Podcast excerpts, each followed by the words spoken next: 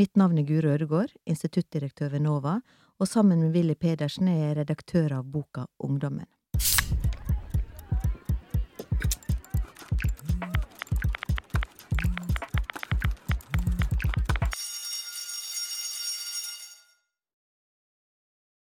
Klimasaken ble en hovedsak i høstens valgkamp.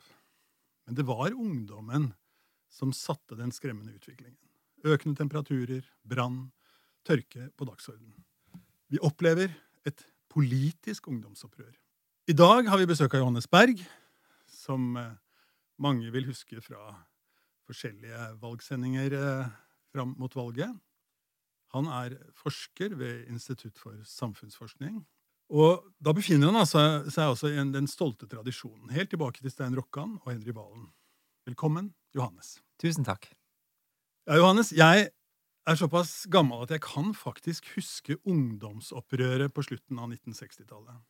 Mm. Studenter okkuperte universitetene, vi demonstrerte mot amerikanerne i Vietnam. Jeg mm. var litt med på dette selv. Noen av oss prøvde å røyke hasj. Det var fargerikt, det var morsomt. Uh, og det jeg lurer på, er Kan vi se noe av det samme i dag, syns du, Johannes? Altså da 40-50 år seinere? Ja, det, det, man kan i hvert fall se noen likhetstrekk. Altså det, det, er selvsagt lett å få øye på forskjeller uh, også, men, men, det som er likt, i hvert fall, er at uh, dagens ungdomsgenerasjon har uh, andre perspektiver, andre verdier, et annet politisk ståsted enn de som er litt eldre. så Ungdommer er selvsagt en sammensatt gruppe, men, men det store bildet er at som du sier, klima- og miljøsaken har blitt helt dominerende. Så, så den unge på en måte eh, grønne generasjonen gjør et opprør uh, mot de som er eldre. Og ja, ironisk nok gjør de vel kanskje et opprør mot den generasjonen som gjorde opprør på 1960-tallet. Uh, eh, det er deres foreldre.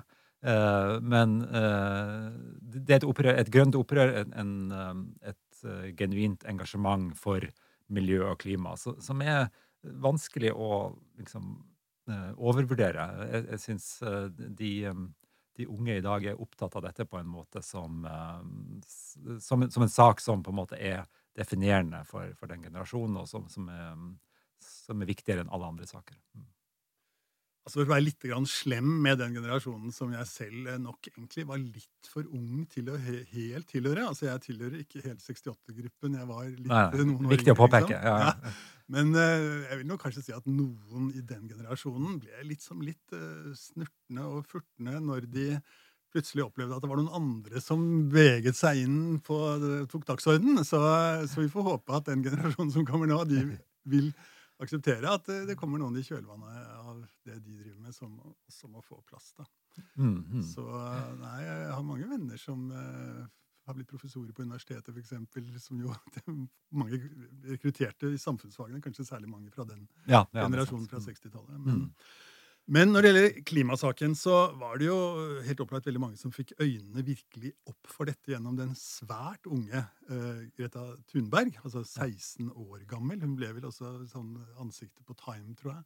Ja, nettopp. Uh, og um, hun demonstrerte altså istedenfor å gå på skolen, og ble etter hvert en slags uh, internasjonal megastjerne. Og er det særlig klima dette ungdomsopprøret handler om, eller er det også mm. andre områder, vil du si? Ja, jeg vil si at det særlig handler om klima. Eh, og at egentlig dette ungdomsopprøret er ikke noe som har vart særlig lenge. Hvis vi går ti år tilbake i tid, så, så finner man en ungdomsgenerasjon, og det skrev Guro Ødegård Reig om, om, for noen år siden, at uh, de unge er politisk aktive, de deltar, de stemmer i større grad enn en tidligere generasjoner, men, men uh, fordeler seg på de politiske partiene som voksengenerasjonen, og er på mange måter et den gangen var det på mange måter et ungdomsopprør uh, eller et ungdomsengasjement, eller hva man skal kalle det, uten en politisk retning. Uh, fordi de unge, de unge ja, de, de, stemte Arbeiderpartiet og Høyre og, og, og alle de andre partiene som, som voksenbefolkningen stemte på. Men så i de siste årene, da, eh, og, og, særlig for oss som studerer valg, så er det stortingsvalget i 2017 og, og lokalvalget for to år siden i, i 2019, så, så ser man en mye større forskjell. Eh, de unge oppgir klima og miljø som den desidert viktigste saken. Det var generelt sett den viktigste saken i, 2019 for blant alle velgere. Men, men, men det, er en betydelig forskjell da, mellom de unge og, og de som er eh, eldre. Eh, og, og det gir seg utslag på, på mange måter. Også. de fleste, også hvis man ser på de etablerte partiene, altså ungdomspartiene, er mer opptatt av miljø og klima. Unge Høyre, Unge Høyre eh, blant annet. Eh, AUF mer opptatt av miljø og klima enn moderpartiet. Så, så det er ikke det er ikke bare et opprør liksom, som kommer klima- og miljøpartiene til fordel. Det gjør det jo absolutt. Men, men også noe som det virker som går på tvers av, av den unge generasjonen. Og, og, da kan vi kanskje til liksom Her er det selvsagt mange forskjeller til hvis vi sammenligner med, med 60-tallet. Og en forskjell er vel at det, dette handler veldig mye om denne saken, og kanskje en, et, et, sinne på en måte ovenfor foreldregenerasjonen eller den eldre generasjonen som ikke har tatt vare på kloden, og, og som etterlater uh, en, en, en, verden hvor man har store problemer da, med, med klimaendringene. Uh, og, og, og en, ja, et genuint liksom, engasjement og, kanskje sinne over at dette blir ikke tatt tak i av de etablerte partiene. og av, av voksne politikere. Og det, det, tror jeg har skapt denne motsetningen. Mm. Ja, ja, så Det er jo kanskje ikke så rart at man opplever et visst sinne, fordi det er jo tross alt ungdommen som skal overta denne kloden. da. Og hvis den mm. er mm. helt i ferd med å gå i stykker pga. et ødelagt klima, så vil jo min generasjon, da, som eh, kanskje har stått for mye av disse tingene her sånn, uh, uten å bremse nok, uh, ikke oppleve noe særlig av det. Det er jo våre barn og barnebarn. Mm. Men mm. det, det, er en ting som slår meg i den artikkelen du og Guro og andre har skrevet. altså at det var altså også innvandring som avtegnet seg som et område hvor man har mer skal vi si, liberale oppfatninger, mer opptatt av å ta vare på flyktninger f.eks., og øke mm. kvotene, kanskje. Mm. Og det var kanskje ikke så overraskende, for det er jo litt sånn uh, venstrepreget standpunkt, kanskje. I hvert fall hvis du ser på den norske partifloraen. da. Ja. Men det som kanskje var litt mer overraskende og spennende, syns jeg, altså, det er at i den økonomiske politikken så ser jo ungdommen ut til å være litt mer åpne. Altså, mm. Hvis vi går tilbake til 68-erne, så var jo det liksom en venstreorganisert gjeng. Selv om de på en måte nok etter hvert ble skeptiske til både Mao Zedong og Sovjetunionen under Stalin, og sånne ting, så var det liksom et venstrestempel. Litt for staten, og statens eh, skulle ordne opp ting og sånne ting. Mm. Men her virker det som ungdommen er på en måte mer eh, åpne for at det er en god del ting markedet kan ta hånd om. Er det en sånn forskjell? Ja, jeg tror absolutt det er en sånn forskjell. Og så, så de unge i dag, og alt er jo relativt, ikke sant? det er relativt til den voksne befolkningen de, de unge de, de, er kanskje egentlig perfekte venstrevelgere, alle sammen, selv om ikke alle stemmer Venstre. Eh, partiet Fordi, Venstre, altså. Partiet Venstre, Ja, nettopp det jeg mente. Partiet Venstre. Uh, og, eh, og, de er, ja, som du sier, altså liberale når det gjelder uh, innvandring, og, og, og særlig, uh, og, særlig på en måte vil, vil avvise alle former for liksom, nedsettende kommentarer eller, eller rasisme eller, eller, den typen ting. Da. Og det, det, tror jeg jo kanskje har med at denne generasjonen har selvsagt vokst opp i et flerkulturelt samfunn, har venner som har innvandrerbakgrunn eh, osv. Så, videre, så den typen retorikk som man hadde om innvandring eh, eh for ja, 20-30 år siden, eh, den, den, blir på avvist av denne, av denne generasjonen. Og og, og, Fremskrittspartiet som parti gjør det veldig dårlig blant de unge i dag. I motsetning til for 20 år siden, hvor de unge, særlig unge gutter, stemte Frp. Selv om de eh. prøver å spille litt på dette i valgkampen, gjør de ikke det? Altså, de prøver å trekke innvandringskortet litt eh, Absolutt. Uh, absolutt. Og, og, det, og hvem, hvem, vinner de på da? Jo, det, det, er egentlig den middelaldrende og eldre delen av, av befolkningen. Så det, det, det, er kanskje en annen historie, men Frp er et interessant parti som har endret seg fra å være et ungdomsparti til å bli et parti for middelaldrende og eh, eldre velgere eh, i dag. Og middelaldrende og eldre velgere de stemmer i stor grad, så det kan godt være en, en, et helt ok sted å være for et parti, det, altså, at man får stemmer fra de, fra de godt voksne. Nei, og, men når det gjelder um, liksom, økonomisk høyre-venstre-aksen, så, så, så, er det påfallende at de unge ligger da litt til, til høyre egentlig for befolkningen ellers. Uh, og det som har skjedd over tid, er at befolkningen ellers har beveget seg mot venstre. I de siste årene når vi har hatt en, en regjering, en, en ja, høyreregjering eller sentrum-høyreregjering, eller hva man vil kalle de ulike regjeringene for, så, så, har befolkningen på en måte beveget seg i motsatt retning. Det er ikke helt uvanlig at, at, at befolkningen beveger seg bort fra den regjeringen uh, man har. Uh, men mens de, de, de unge er, ligger mer liksom, midt på skalaen, da, kan du si. Så, så, det er heller ikke noe sånn um, hvis man skal sammenligne med tidligere tider, liksom 1980-tallet, en sånn liberalistisk bølge som, som, den gangen skyldte over landet. Det er kanskje heller ikke det, men det er mer en sånn sentrumsorientert posisjon i, i økonomiske spørsmål. Mm. Altså, Jeg må nesten uh, tillate meg å fortelle en bitte liten uh, historie fra mitt eget forskerliv. Jeg gjorde nemlig sammen med en kollega mange år en sånn studie av hasjomsetningen på Akerselva i Oslo, hvor vi skrev en god del ting. og det er veldig fascinerende. Og da kom vi også i kontakt med noen som drev liksom, politisk engasjement i narkopolitikken i Norge og sånne ting. Og Eh, så spurte jeg, husker jeg, en av disse karene liksom, eh, altså Dette var ikke en som dealte selv, men det var en som da var med i et, eh, et parti som var åpent for liksom, annen regulering av narkotika og sånn. spurte jeg ok, hvordan skal vi gjøre det. Nei, altså vi har jo vist nå gjennom mange at uh, de folka som driver og dealer her på Akerselva, de er ganske gode. De kan mye om varene, de kan mye om hvordan et marked fungerer. og sånn. Så jeg ville bare foreslå at vi bare gir dem muligheten til å sette opp noen stands her i dette området. og, og drive med litt sånn kapitalistisk småøkonomi. Småbedriftene har det partiet vi har representert, alltid vært interessert i, liksom. Så, så dette er småbedrifter på en eller annen måte. Så jeg bare slår meg at jeg tror du ville ikke funnet en som hadde omtalt dette på denne måten i 1970 eller 71 eller noe sånt. Altså det, Nei, nettopp. nettopp. Så, så, det er en, slags illustrasjon at det beveger seg nok helt ut i ytterkanten av eh, det landskapet jeg er interessert i her. Mm. Mm. Vi må innom det digitale, og vi har ja. da i denne podserien så har vi en uh, som, episode som handler om det. og Ungdommene lever jo virkelig digitale liv, og de gjør det åpenbart mer enn eldre generasjoner. Og det var nok eh, i 2007 at eh, iPhone kom og satte ting på dagsordenen på en helt ny måte.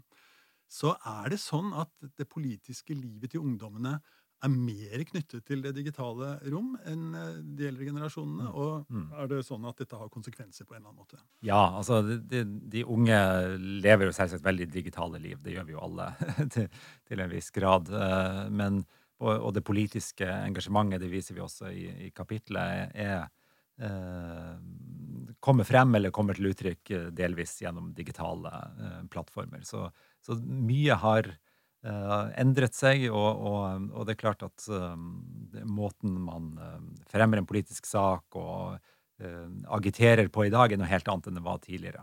Men samtidig blir man jo slått av liksom, hvor, hvor, mye som likevel er, er, likt. ikke sant? Man organiserer seg i politiske partier, man har demonstrasjoner eller boikotter eller hva, hva, det skulle være. så mediet har endra seg, men, men politikken og måten man driver politikk på, vil jeg si ikke er så forskjellig. Eh, men, men, den er selvsagt i veldig stor grad mediert på en måte av, av sosiale medier og, og, og, og internett. Det, ja, et eksempel på det er jo hvordan uh, Man snakker gjerne om at de etablerte mediene blir mindre viktige, det er sosiale medier som er viktige, men, men de etablerte mediene befinner seg jo også i, i de sosiale mediene, og det er jo nettopp på den måten at de, at de unge får mye av sin, sin informasjon. Så, så, ja, på dette området er det liksom lett å overdrive eh, endringene, men, men selvsagt skal man eh, anerkjenne at det, det, skjer, det skjer, endringer, og, og, særlig på en måte hvordan man Uh, hvordan politikken blir formidlet og, og mediert uh, i dag, er annerledes enn for 10-20 år siden. Mm. Altså jeg tror mange av oss uh, satt litt med hjertet i halsen eh, da Kongressen ble stormet eh, mm, for da mm. snart et år siden. Mm. Og eh, mange fulgte vel da Trumps kommunikasjon med omverdenen, som jo i høy grad foregikk på Twitter. Ja. Uh, og jeg tror kanskje mange tenker at mye av den kommunikasjonen som foregår på Twitter, på Facebook og sånne steder, er veldig polariserende, og at mm. det var noe av det, liksom, det store problemet med Særlig Trumps regime, hvor jo nå demokratene og republikanerne fortsatt ser ut til å være på hver sin planet. Kanskje mm. brexit også. Så mm. Eh, denne polariseringen, er den eh, Er det mulig at den generasjonskonflikten vi ser her sånn, at den vil ende ut i uh, mer polarisering på en sånn mer ondartet måte. Altså, Vi er jo mm. glad i debatt, men vi, vi mm. jeg tror få liker det amerikanske ordskiftet sånn som det har blitt. Ser vi, Hvis du skal se litt nedover gata, vil du tro at denne polariseringen At ungdommene vil dra, dra den med seg inn i sitt voksenliv fremover? Ja, nei, Interessant spørsmål. altså. Eh, jeg er jo helt enig i at uh, ingen ønsker å se liksom, Donald Trump eller det amerikanske liksom, politiske ordskiftet på sosiale medier uh, her i, i, Norge, eller noen steder for den saks skyld. Men, uh, men, men samtidig så, så har altså polariseringen i norsk politikk vil jeg anse som ganske uproblematisk, sånn som situasjonen er nå. Altså, eh, for, for, ti år siden eller noe sånt, så var det store problemet i norsk politikk at folk ikke så forskjell på partiene, og man visste ikke hva man skulle stemme på, og, så og hvor man hørte hjemme. Eh, en, litt, eh, en viss grad av, av, polarisering, spissing av politiske budskap osv. tror jeg er, er bra. Altså.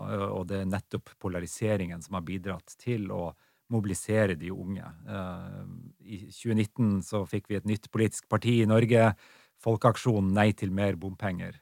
Det bidro egentlig til en mobilisering av de unge som en reaksjon på, på eh, ja, den eldre generasjons liksom, bompengeopprør. Eh, da mobiliserte de unge til fordel for, for bompenger, kanskje, og til fordel for klima- og miljøtiltak.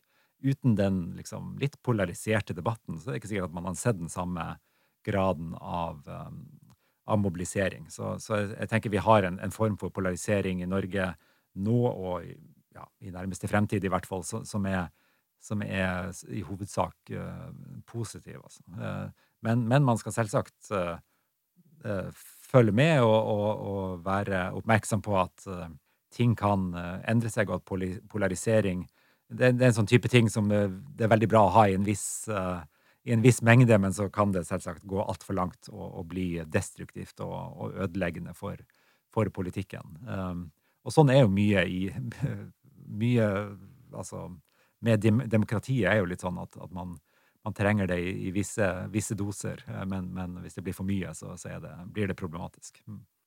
Mm. Altså, Johannes kom med en vil jeg si, ganske optimistisk eh, spådom for eh, tida fremover. og Eh, mange vil jo fortsatt huske FNs klimapanel som kom da tidlig på høsten. og der var jo beskjeden om at vi må rett og slett ta eh, skjeen i en annen hånd. og mm.